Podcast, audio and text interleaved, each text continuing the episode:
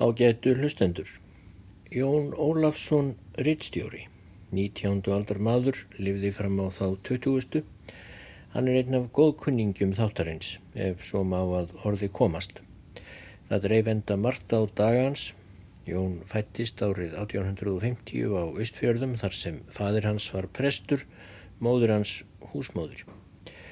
Jón gekk mentavegin, fór söður og var kornungur orðin rittstjóri í Reykjavík. Hann var gleðgósalegur nokkuð í skrifum og skammaði yfirvöldin í landinu óheikað þættunum svo við horfa.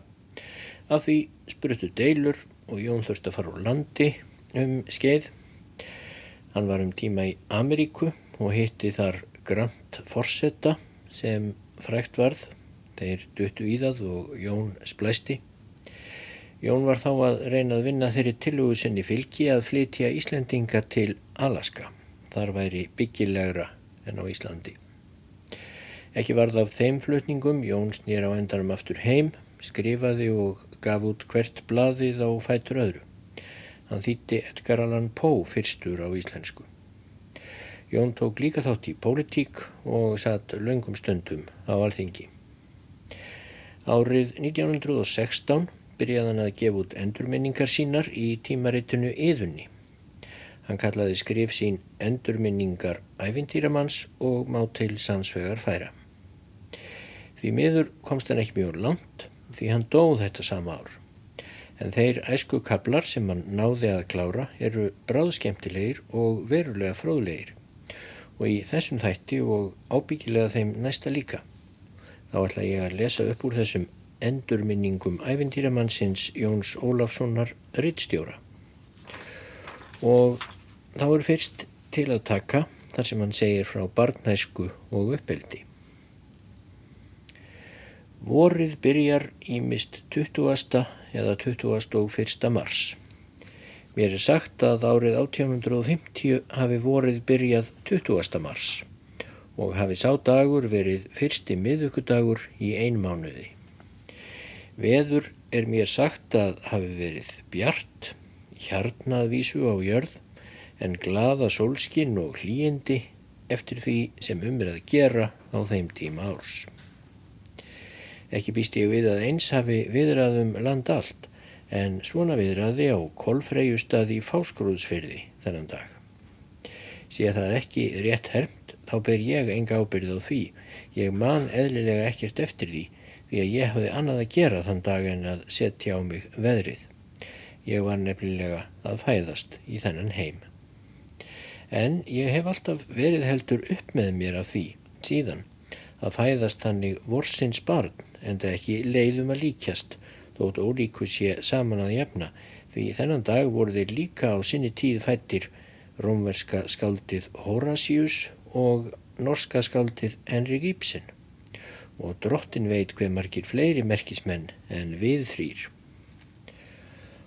Móður mín var rétt tvítug þegar hún átti mig og er svo að sjá sem fadur minn hafi búist við að koma mín í þennan heim myndi ekki ganga sem greiðlegast því þótt hann fengist sjálfur mikið við lækningar, presturinn, og hefði lækningaleifi þá hafði hann þó verið svo forsjálf að senda eftir gísla héradslækni hjálmarsinni fyrir austan til að leiða mig í kóri þessum heimi. En það sínist mér ekki hafa af því veitt því hann varð að draga mig inn í heiminn með töngum. Sáust tangamörkin á báðum gagnaugum mér nokkur ár á eftir. Það er síður, þá er menn vilja vita deili á manni að spyrja um foreldra hans og ættirni. Ég er nú heldur fáfróður í þeim efnum en skal þó reyna að leysa úr þessum spurningum eftir föngum. Fadir minn hétt Ólafur, fættur 17. ágúst 1796 á Borg í Skriðdal. Hann var því 55 ára þegar ég fættist. Hann var sonur Indriða Ásmundssonar, bonda í Skriðdal, í æfisögu Páls bróður míns, e, framann við annað byndi ljóðmæla hans, hef ég skýrt frá ætterni föður okkar svo sem mér er kunnugt. Og hef því ekki fleiri orð þarum en móður mín var sem fyrir segir tvítug, hún hétt Þorbjörg Jónsdóttir, Guðmundssonar, Gullsmiðs og Söðlasmiðs, þá á Vattarnesi en síðar í Dölum í Fásgrúðsfyrði. Fadir hans var Guðmundur Magnússon, hreppstjóri á Bessastöðum í Fljótsdal, síðar bondi í Fannardal í Norrfyrði. Guðmund tel ég einn af merkustu mönnum í þeim legg ættarminnar og verði ég að geta hans dálitið nánara. Gárungarnir kalluðu hans stundum líga gwend þennan langafa minn. Þó sagði hann að almannarómi aldrei neitt það ósatt er nokkru manni geti verið til meins eða miska en hann hafði gaman af því að segja ótrúlegar kynjasögur sem ekki voru ætlaðar til þess að neitt maður triði þeim heldur annarkort mönnum til gamans eða þá stundum til að ganga fram af mönnum sem voru íknir eða skreitnir. Þær sögur eru til eftir hann longafa minn sem í engu standaða baki sögum Munkhásens fræga. Til dæmis þessi. Guðmundur átti hest góðan, brúnan, vakran vel en fljótan með afbreyðum á stökki. Guðmundur let einat mikið af klárnum og sagði meðal annars einhverju sinni svo frá flíti brúns. Ég var eitt sinn á heimleið úr ferð og kom um kveld í hlaðið á brekku.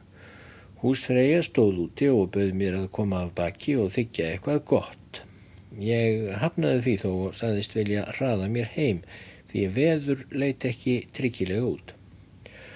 Hún spurði þá hvort ekki mætti bjóða mér mjölksopa því að griðkonur voru að koma af stöðli. Aldrei hvaðst ég nýmjólk hafna og fór hún inn en ég satt á baki. Kom hún út aftur að vörmuspori með fjóramarka ask, fleiti fullan af spenvolgri nýmjólk og bauð mér. Ég setti askin á munnin og tók að þamba af hjartans list. Ég veit þá ekki fyrir til en klárin tekur viðbrað og þýtur allt í einu á stað á harðasta stökki Ég misti náttúrulega askin úr hendinni með því sem eftir var í honum.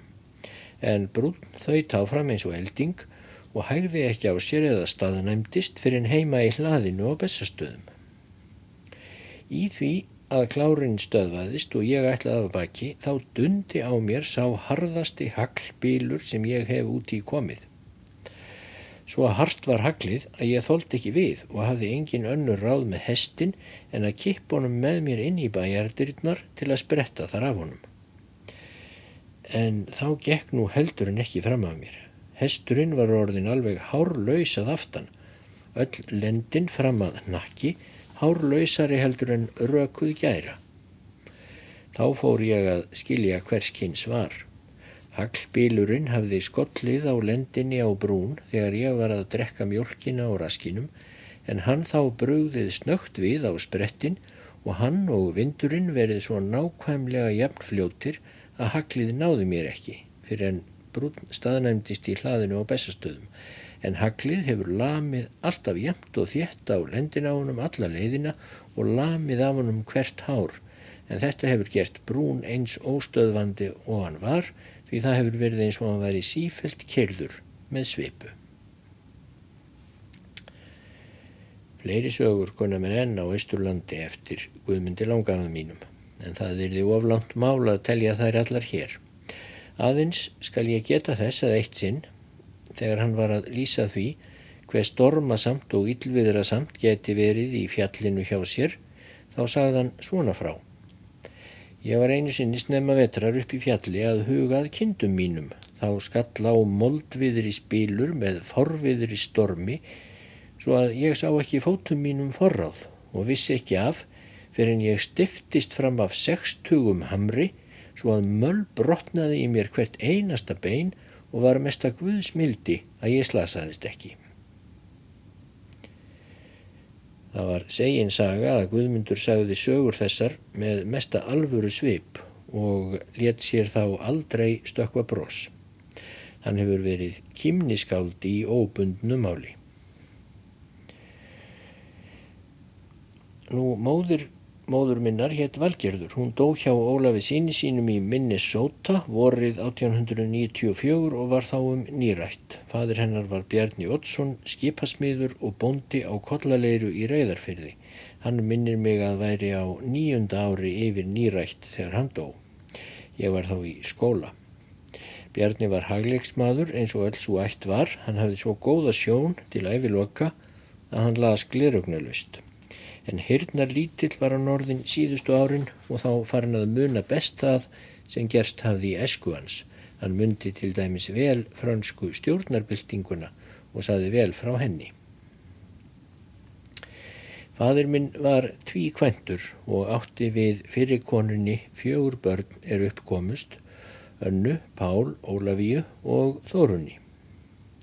Anna sýstin mín giftist Sigeri stúdent Pálsini er síðar var prestur að skekkjastöðum. Ólafíja giftist Byrni Pétursinni frá Valþjófstað er síðar varð alþingismadur um nokkur ár, fór síðar til Ameríku, misti þar konuna og kventist aftur amerískri konu, varð kennimaður únítara safnaðar í Vinnipeg og dóð þar. Þórun sýstin mín giftist Þorvaldi, móðurbróður mínum, svo að fadir minn var bæði mágur hans og tengdafadir en þau Þórun og Þorvaldur voru þó með öllu óskild. Pál kannast allir við, hann er skáld og hef ég reytað æfi á grip hans framann við annað bindi ljóðmæla hans. Og hér skýt ég því að að Pál Ólafsson kannast nú orðið flestir við sem höfund hvæðisins um lóuna sem kemur að hveða burt snjóin. Svo sagði Pál eldri bróður minn mér að fadur okkar hefði verið mjög strangur við börnin af fyrrahjónabandi sínu í uppeldinu og eiginlega allt of strangur svo að það hefði fjarlægt þau honum of mikið, engum sig og ef til vil ólafi í nokkuð. Svo að það hefði fyrst verið þegar þau voru orðin fullorðin að þeim hefði orðið verulega hlýttilans en upp frá því hefði sér alltaf vorið æg betur og betur við hann ár frá ári eftir því sem hann hefði þekkt og skilið hann betur. En svo sagði Pál mér að eftir að fadur okkar misti fyrir konu sína og gekk að eiga móður mína og eftir að ég hefði fæðist, þá hefði fadur okkar alveg skipt um uppeldisaðferð og fyllt annari stefnu við okkur setni konubörnin. Hefði hann sagt sér það fullordnum að hann hefði alveg skipt um skoðun í uppeldismálum og sig yðraði þess mest að hann hefði verið of strángur áður við fyrirbörnin sín. Við vorum aðeins tvö síðari konubörnin, ég og Kristrún sýstir mín. Hún var fimm árum og átta dögum yngri en ég og það er af mér að segja að ég get ekki hugsað mér ástúðulegri og blíðari föður heldur en hann var okkur og sama munum Kristrúnu að segja. Mig skorti 16 daga á 11 ár þegar hann dó en Kristrúnu skorti þá 24 daga til að verða 6 ára. Móður ástinni er við brúðið eins og minn vita og flestir sem ég þekki hafa elskað móður sína meira en föður en mér hefur verið alveg gagnstætt farið. Mér var alltaf fadur minn svo miklu kærri en móður mín.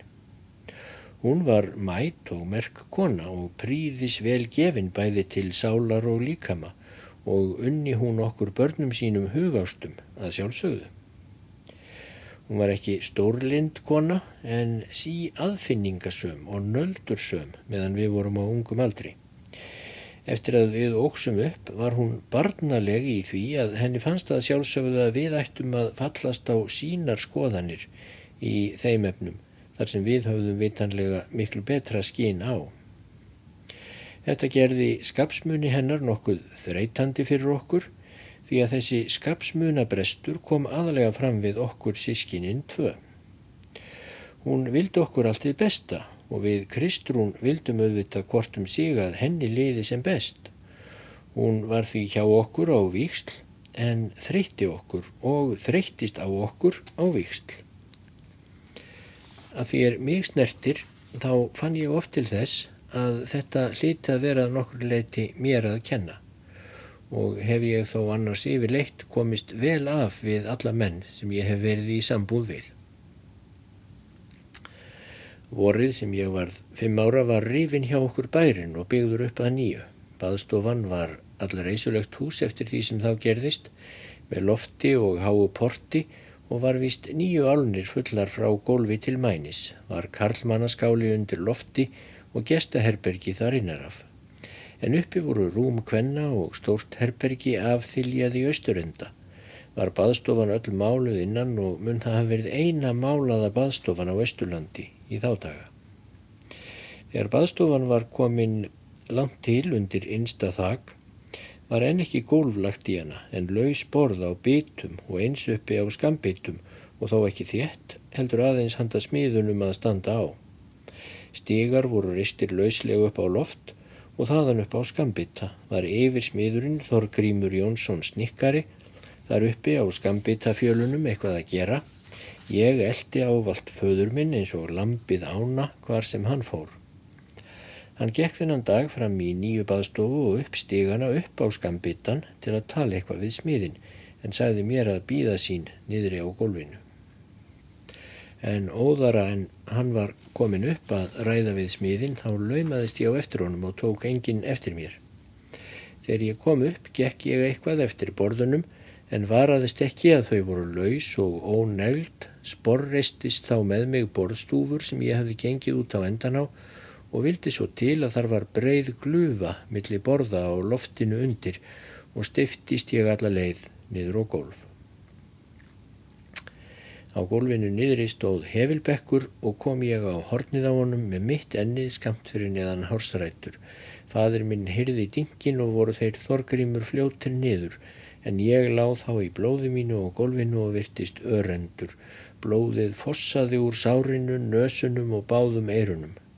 Ég var meðvitundarlaus í meirinn sólaring en kom þó til lífsaftur og fór förðufljótt á fættur. Beinið í enninu hafði þó víst sprungið og þegar sárið greri var skinnið eins og fast við bein á ofurlitlum bletti og er þar víst uh, lítið hold millir skins og beins enn í dag en það sér örið á mér enn ef ég lifti brúnum. Þetta var fyrsta hrakfallið sem ég fekk í veröldinni.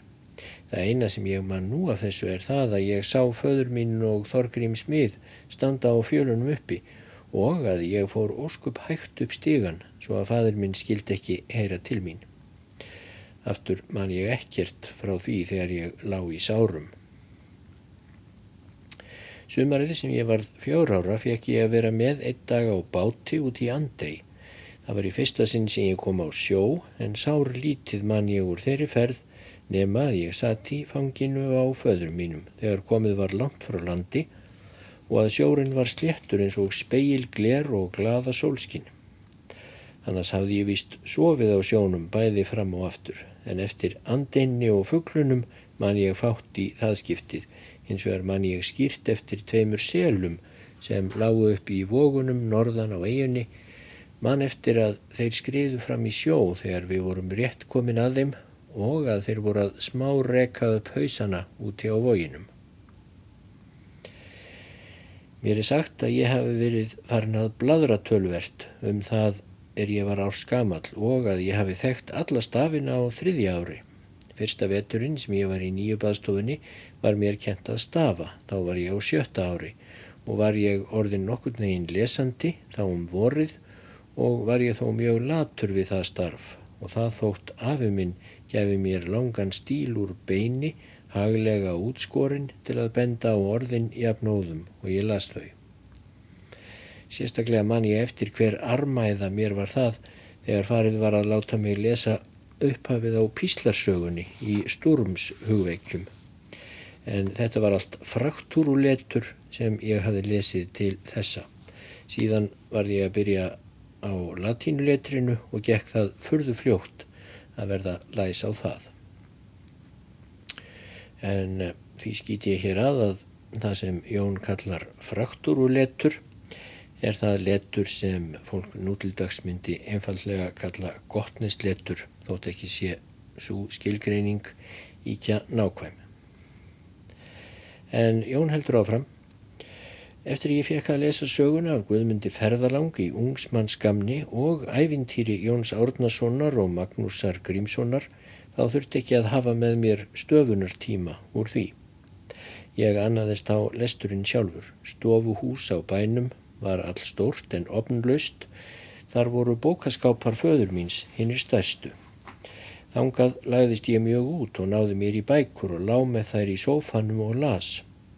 Einhver fyrsta bók sem ég náði þar í voru hvæði Jóns Þorlákssonar sem frægur er fyrir að hafa þýtt Paradísarmissi Miltons en ég lærði fljótt flestar lausavísurnar í þeim og þar á meðal öll skammakvæðin sem Jón Þorláksson orti. Þau lærði ég vendilega. Kom það fyrst upp um mig á því að ef mér sinnaðist við einhvern hinnakrakkana þá sletti ég ótæpilega orðum og hendingum úr Jóni Þorláksinni. Fekk ég þungar ávítur fyrir hjá móður minni og vildi hún láta föður minn læsa fyrir mér stofunni. Man ég að hann sagði eitthvað á þá leið að úr því börnum væri kent að lesa, þá kemi fyrir lítið að banna þeim að lesa. Við mig talaði hann einslega og sagði mér að ég ætti að reyna að gera einhvern greinarmun á yllu og góðu fögru og ljótu í því sem ég læsi, ég væri enn svo ungur að mér væri hotlar að lesa ekki það sem ljótt væri. Sjálfsagt kemist ég ekki hjá því er ég eldist að lesa bæði fagurt og ljótt en ég er það minnast þess að það ljóta sem ég kynni að heyra og lesa væri ljótt og þegar ég fyndi það þá ætti ég líka að sjá að það væri líka ljótt að hafa það eftir. Ég held því áfram að rusla í bókaskápum föður míns en þess varði ég var að tvö bindi af hvæðum Jóns Þorlákssonar voru þá horfinn úr sinni hillu. Næsta bókin sem ég mann eftir ég læsi fram í stofunni var Fjölnir. Ekki las ég hann þó allan spjaldana á milliða sinni en las það eitt sem ég nokkur með einskildi. svona meira eða minna leitað minnstakosti. Fjölnir varð mér reyndar svo kær að ég held ég hefi lesið eitthvað í honum næra á hverju ári alla æfi mína síðan. Á nýjunda til ellefta árunu fór ég að geta lesið málfræðir ítkerðir Konráð Skíslassonar í fjölni og hafa þeirra nót og þótti mér ekki eins gaman að nokkur um hlut eins og því sem Konráð skrifaði ekki síst riddeilu greinum hans. En eh, mér er enn í minni þegar útkomi í norðra greinar hans til Guðbrands Vikfússonar heyrði ég þá föður minn og Jónas Síslumann Torsteinsson lesa fyrstu greinina saman og var þeim báðum mjög dátt að greinunum og hlóu mikið. Þó man ég eftir að fadur minn saði eitthvað og þá leið að tónin í þeim væri nú ekki eins og maður ætti að búast við af háskólakennara. En endaði þó á að segja en hvert fjandan vill líka Guðbrandur í hendurnar á konráði. Þegar ég var á áttund ári var ég látin byrja um haustið að læra hverið og eh, þegar ég var á nýjunda ári fór fadur minn að kenna mér dönsku og glifti ég hana í mig alveg furðanlega fljótt. Fram yfir miðja 19. öld var það almennur síður að láta börn þjera fóreldra sína og svo gerðu öll eldri sískinni mín. En við sittni konubörnin vorum alveg upp við það að þúa fóreldra okkar. Yfir höfuð var fadur minn mér eins og elskulegur eldri bróðir. Þegar hann bannaði okkur eitthvað var það ekki gert með neittni hörku og ef ástæðurnar til bansins voru ekki alveg auðsæjar var hann vanur að segja okkur af hverju við mættum ekki gera það sem hann þá bannað okkur. Ef ég hafði ólíðinast einhverju var hann sjaldan byrstur við mig heldur var hann sorgbyttin og sagði mér með mildum orðum hvað sér þætti mikið fyrir. Það minnst að kosti einu sinni mann ég hann saðist hafa hugsað að mér þætti svo vendum sig að ég vildi ekki hryggja sig með því að gera mér á móti og satt að segja hafði ég svo mikla ást á föður mínum að ég vildi með engu móti gera honum á móti en það bar það örsjaldan við að ég ólíðinaðist honum nema þá í gáleysi. Og hann stóð sig vel í því stikki að kenna mér heima. Strax á tíunda ári byrjaði ég á latínu og lærði aðal dæmin í beigingum nafnorða og lýsingurorða og eh, þegar ég var á 11. árinu held lærdómurinn áfram. Og þann sama vetur kendan mér og heilartölur og brot í reikningi. Ekki hafðan kent mér neitt í leksíum í landafræði en kent mér að þekkja á landabref, landabrefi álfurnar og öllönd í norðurálfunni. Undir eins og ég gætt hangið á hestbakki fekk ég að fara með föður mínum oftast nær hvert sem hann fór að sumarlægi. Á sjönda árinu fekk ég að fara með honum í Kaupstað til Eskifjörðar, riðum við staðarskarð og einnað Berunesi og vorum settir þar yfir reyðarfjörðin inn í Kaupstað. Að ég fekk að fara með svo ungur átti ég að þakka Þorvaldi móðurbróður mínum. Hann var söðulasmýður og hafi búið til og gefið mér reyðfæri um vorið. Það var dýna stoppuð, skinnfóðruðað ofan, ístöðu lítil voru á henni og ólar ofan á dýnunni sem spentu um lærin á mér og heldu mér svo föstum að ég gat bókstafle ekki dottið af baki. Pappi vildi fyrst teima undir mér en við það var nú ekki komandi. Ég reið rauðum hesti sem ég átti sjálfur hafði ég svo oft reynd mig á honum berbakt að hann var orðin alveg vanur taumhaldi mínu og enda var eins og blessuð skeppnan hefði vit fyrir okkur báðum. Einu sinni man ég eftir að fadur minn var sóttur til að skýra barn í Vík sem er sunnan við fjörðin, anspannin Nisk Kolfreyjustad en lítið eitt innar. Stinningskaldi var á norðan svo að kvít fretti á sjónum, þá vildi ég fá að fara með en fekk það ekki, en fylgdi föður mínum ofan að bátnum. Hann sagðist koma aftur eftir 1-2 klukkutíma og setti ég mig við það og helt heimleiðis. En á leiðinni heim dætt mér það allt ín í hugað svo kvast væri að hætt geti verið við að báturinn færist á leiðinni yfir fjörðin. Þetta var náttúrulega ekki annað en fáviska mín, engin minnsti háski var á ferðum. En þetta hafði nú bitið sig fast í mig og ég þóttist vita með vissu að þetta væri orsökinn til þess að fadurinn minn hefði ekki viljað að lofa mér að fara með sér áhættan væri svo mikil. En hitt var þó heldur að fadur minn hafði hreinlega óttast að mér erði kallt engum á heimleiðinni þegar berja varð á móti vindi. En áhyggjufullur sem ég var fór ég ekki heim, höldur upp á hraun, settist þar og hafði ekki augun af bátnum þanga til hann var komin yfir fjörðin og allan tíman var ég sár grátandi á meðan. Þegar báturinn var komin yfirum hætti ég að skæla en satt kyrra á klettinum óra langa hríð að mér fannst þanga til ég sá bátinn koma að sunnan aftur. Róður gekk nú seint, bátnum hossaði upp og niður og láfið að hverfa mér sjónum stundum á milli aldanna. En þarna satt ég af og til skælandi með öndina í hálsinum og skjálfand af kulda, allt þar til báturinn lendi í höfninni og ég gætt hlaupið ofan eftir á móti föður mínum og upp um hálsin á honum.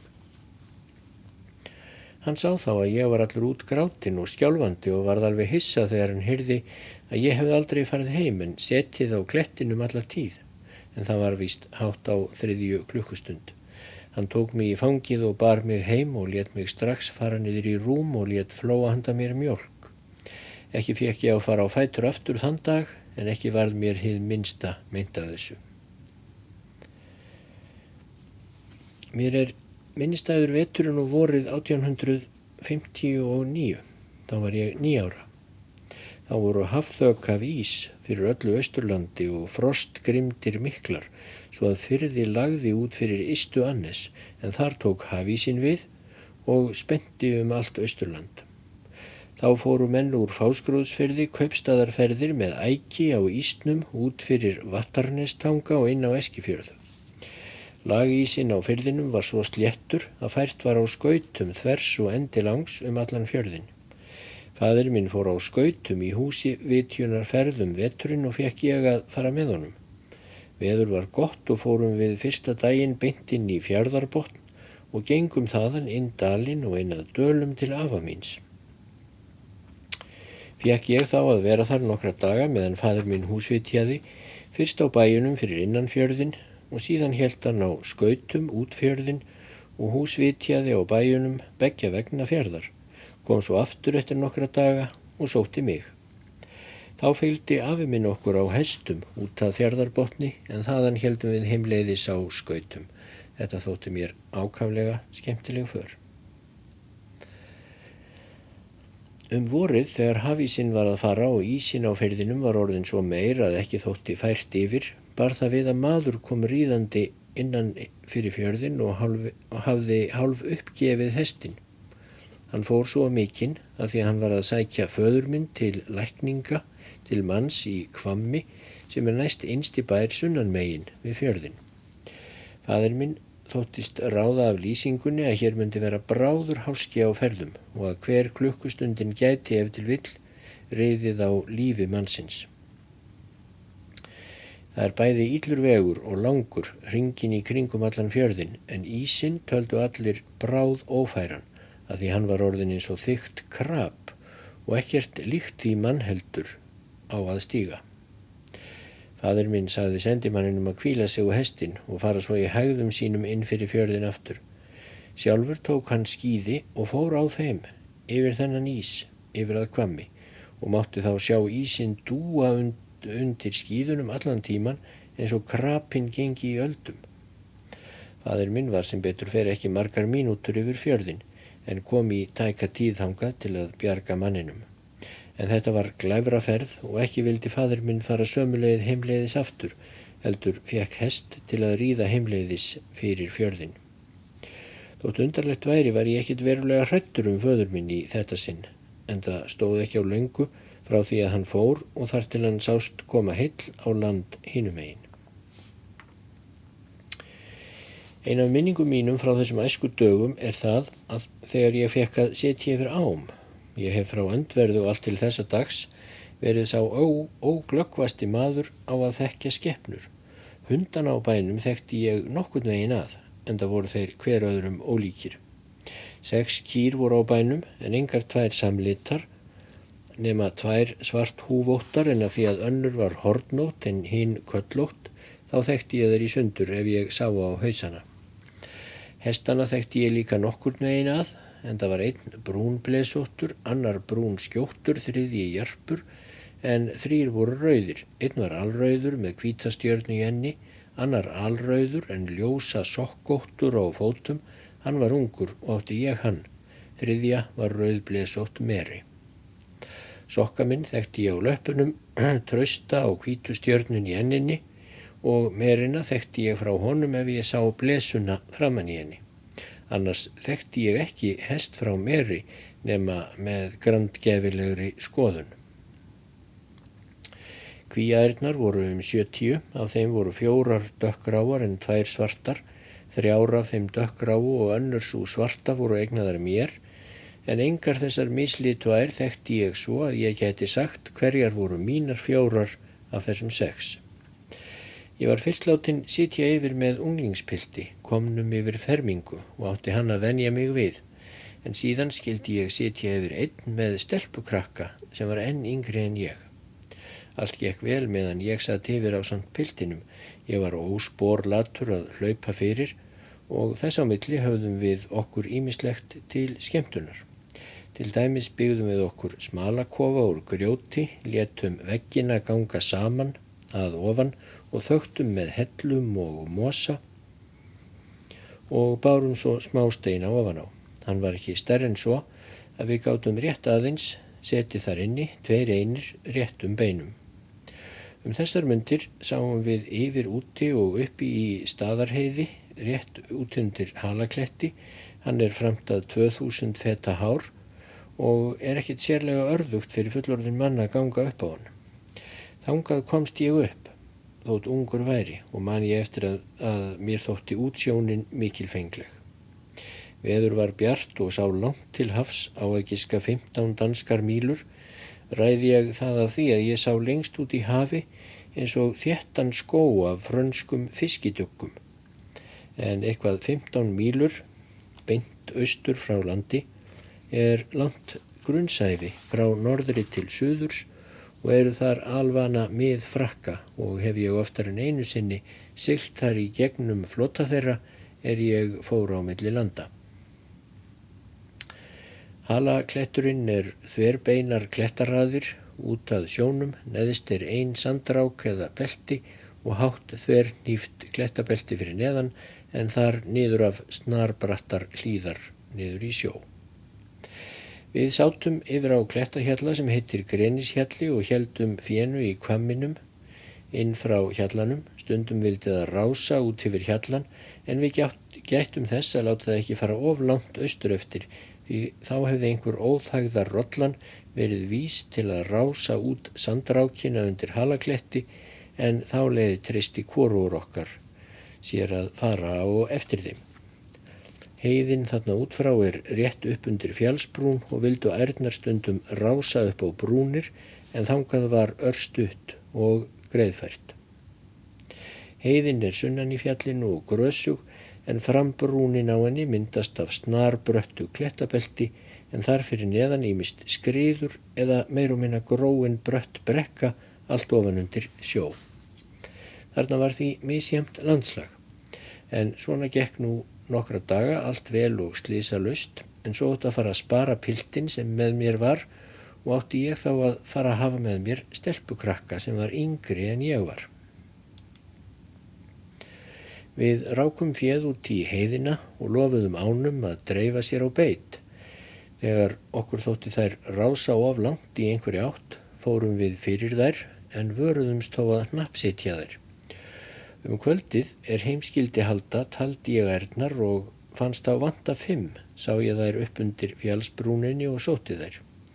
Þegar við komum heim á kvíaból og höfðum kvíaðærnar komu mjöldakonurnar og urðu þess fljótt varar að það voru sjö geldkindur í hópnum. Kom það þá upp úr turnum að sjö ær vandaði. Ég stóð fast á því að ég hefði komið með allt fjeð með réttri tölu en nú var það bert að ég þekkti ekki kvíja á frá sögð hvað þá geldri á. Næsta dag var fjósamadurinn látin fara með mér í hjásettuna. Hann var gamal maður og næri blindur. Við sátum yfir daginn og þegar kindurnar rásuðu eitthvað þá sagði Karlin við mig Sjóna þú, ég skal sækja. Þetta var eiginlega öfugt við það sem við þurfti. Ég var ólatur til að hlaupa fyrir og sækja. Til þess þurfti ég ekki hjálpar með. En Karlin hefði heldur átt að vera betur færin ég um að sjóna eins og hann kallaði það. Ég sá að vísu þegar kindur höfðu rásað úr hópnum en af því að geldkindur voru líka í fjallinu þá hefði ég þurft að þekka þær frá kvíjánum af því þær gáttu vel hlaupið saman við. En einar gamli sótti nú allt sem ég sjónaði eða þóttist sjóna. Afleðingin varð að um kvöldið komum við ekki öllu fjennu í kvíjarnar, það var orðið svo margt, því að við höfðum meðferðis ekki aðeins allar kvíjarnar með tölu heldur og yfir 20 geldfjár með. Það þótti nú auðséð að við einar gamli digðum ekki til þessa starfa og varð að taka aftur til yfirsettunar unglingspiltin sem verið hafði með mér fyrstu dagana og varð hann að setja yfir um sumarið. Hann þurfti mínu auðvitað ekki með svo ég fór aðeins með honum í yfirsettunað gamni mínu þegar gott var veður. Það er annars gaman að sitja yfir í kolfreyjustadar heiði, nóg af berjum að týna, bæði aðalbláberjum, bláberjum, rútaberjum og krækiberjum. Framan af sumri var setið yfir ánum í heiðinni, síðan voru þær hafðar út með sjó á undirlendinu neðan við staðarheiði, oftast á læknum, svo kallaða, milli staðaskriða og hafnarneskriða, Stökusinnum fá að daga á landsendanum sem er fyrir innan staðarskriður en út af Skálavík. Kolfreyju staðar kirkjusóknir ærið Víðlend, henni tilheyra allir bæirnir á söður byggð reyðarfjörðar frá og með Berunesi út að Vattarnestanga og öll byggðin ringin í kringum Fáskrúðsfjörð allt út að Hafnarnesi af því meðtöldu. Kirkjurækni var í bestalagi í tíð föður míns og varð aðeins örsjaldan messufall ef veður var fært yfir leitt. Venjulega var sótt úr öllum hlutum sóknarinnar auðvitað mest að sumrinu. Um þetta leiti var fáskrúðsfjörður höfuðstöð fiskiflota frakka hér við land munu þá hafa sótt ángað 120 til 150 skip árlega. Man ég eftir að hafa talið 80 til 100 skip liggjandi í einu inn við búðaströnd fyrir innan mjóeiri. Þessi fraknesku skip voru tvennskonar, annar flokkurinn sá fjölmennari voru fiskiskipin. Þau lögðu út frá Fraklandi senkt í februar og komu hingað undir land til að fiska. Þau komu þá sjaldan eða aldrei inn á hafnir nefn einhver sérstök nöðsinn ræki til en í mæmánuði komu þau öllin á tilteknar hafnir úr því að leiða á mánuðin flest á fáskurúsfjörð. Þar láguðu þau svo lengri eða skemmri tíma eftir atvikum. Hinn flokkurinn voru flutningaskip. Þau voru miklu stærri en hinn og komu hlaðin vistum. Hvert þeirra átti að byrja að vistum svo og svo mörg fiskiskip og taka aftur afla þeirra og flytja hann heim til Fraklands. Þegar þau höfðu byrkt upp öll skipin sem þau átt að sinna og tekið afla þeirra, lögðu þau aftur á stað til Fraklands með aflan en fiskiskipin lögðu aftur út til fiskjar og stunduðu veiðina fram í ágústlokk eða september og heldu þá fyrst heimleiðis. Stundum máttu fiskiskipin sem fyrst komu inn býða nokkuð eftir flutningsskipunum sem þau áttu við að selda og stundum mátti flutningaskipið býða nokkuð eftir seinustu fiskiskipunum sem það áttu að annast. Þessu legutími frakka á fyrðinum gatt í staðið yfir svo vikum skipti. Var þá stundum sukksaft um borð eða á næstu bæjum, þarna komu sömu skipin og sömu mennirnir ár eftir ár og sama fólkið var ár eftir ár á bæjunum í landi. Það var því skiljanlegt að af þessu spritti kunningskapur og vil vinskapur millir sumra manna. Þetta var ekki nema eðlilegt. Hitt var lakara að af þessu spratt einnig nokkurt sukk og svall en næri því einstæmi mátti það heita ef af því spruttu líka blessuð börnin frönsk með borðalagða húfu og heyrði ég var alltaf nefnt meira en eitt dæmi þar sem slíkur orðrómur lág á í einhverji alvöru. Veturinn 1860 til 61 þegar ég var á 11. ári gekk skæði taugaveiki í fáskurúsfyrði. Eins og ég hef áður getið hafði fadur minn lækningarleifi og stundaði talsvert lækningar. Ekki gerðan það í ávinningsskyni því að mest öll meðulinn gaf hann og fyrir ferðir sínar tók hann aldrei neitt en helt oft sjúklinga og heimili sínu dögum og vikum saman og vissi ég aldrei til þess að hann tæki neina borgun fyrir það.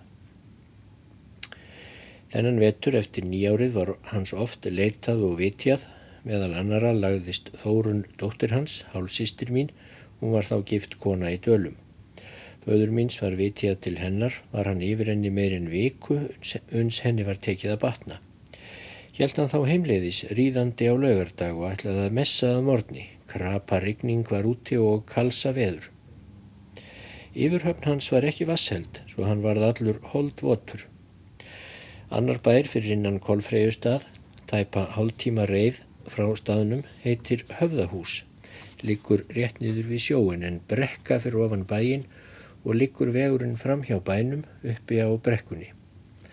Þegar fadir minn reið þar hjá kom bóndin, gammal vinnumadur hans og vinnur upp á brekkuna, hlaupandi og sáðunum að hjá sér væri nýfætt barn og væri það mjög sjúkt svo hann þyrði ekki annað en láta skýra það strax og bað hann föður minn að koma heim með sér til þess. Fadur minn spurðan hvort hann kynni við að hann skýrði það hempulöys.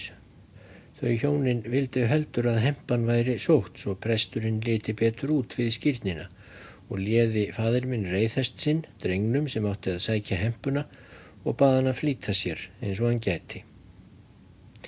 Drengurinn gerði það og var ekki klukkutíma burtu. Á meðan var föður mínum bóðið inn í stofuhús og var honum hitað kaffi en stofan var köld og sló mjög að föður mínum. Hann skýrði barnið og reið svo hraðfara heim. Þegar hann kom heim háttaði hann þegar en var alltekinn af köldu og hittasótt. Fadur minn fann þegar að hann myndi hafa tekið taugaveikina, lágan nokkrar vikur, sendan meðal annars snemma til gísla læknis Hjálmssonar og sendi gísli honum meðul. Fadur minn hafði lengi leið með óráði en loks tók honum að batna og síndist sem hann væri á góðum batavegi undir februar mánadar lok. Hann hafði alla efi verið hilsurhaustur maður og valla nokkur tíma orðið mistægurt en það var hann allan tíman mjög sterkbyggður þótt farin væri nokkuð að eldast. Slíkum mönnum hættir við að ætla sér aldrei af og álýta sér allt fært. Meðan fadur minn lág en rúmfastur en þó allra hess orðin, bar svo til einn morgun að komið var með lík til grefturunar. Það var velmetinn bondi úr sókninni sem látist hafði úr taugaveiki Magnús í tungu. Föður mínum var sagt til þess og saðan þeim að taka gröfina. Þegar því var lokið dreif hann sig upp úr rúminu hvað sem hver sagði, fór í hempuna og söngi við líkinu og kastaði rekum á. Úti var stormur af havátt, ráslaga veður og láfið frosti. Fadur minn fór þegarinn frá gröfinni og í rúmið á ný. Dveimur, þremur dögum síðar lág hann fyrir döðanum. Sóttinn hafði tekið sig upp með miklum ákafa svo að hann var mest, all, mest allan þann tíma rænulegs. Einu sinni þegar hann rangaði við sér með ráði, let hann reysa sig upp við höfðarlægið og fá sér penna og blek. Síðan skrifaði hann Páli bróður mínum fá einar línur en var þá svo máttfarin að hann gætu alla stýrt pennanum lengur.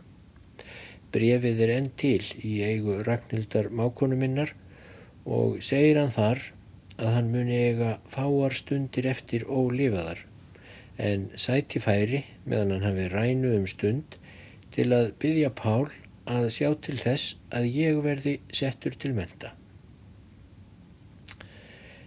Þegar hann hafði lokið við þetta bref fjall hann aftur í ómegin og vissi víst lítið til sín síðan. Og þannig fór nú það. Í dögunina á mánudags morgun fjórða mars laug fadur minn upp augum og sagði Þá er nú blessað mánudagsljósið komið og leið svo út af örendur.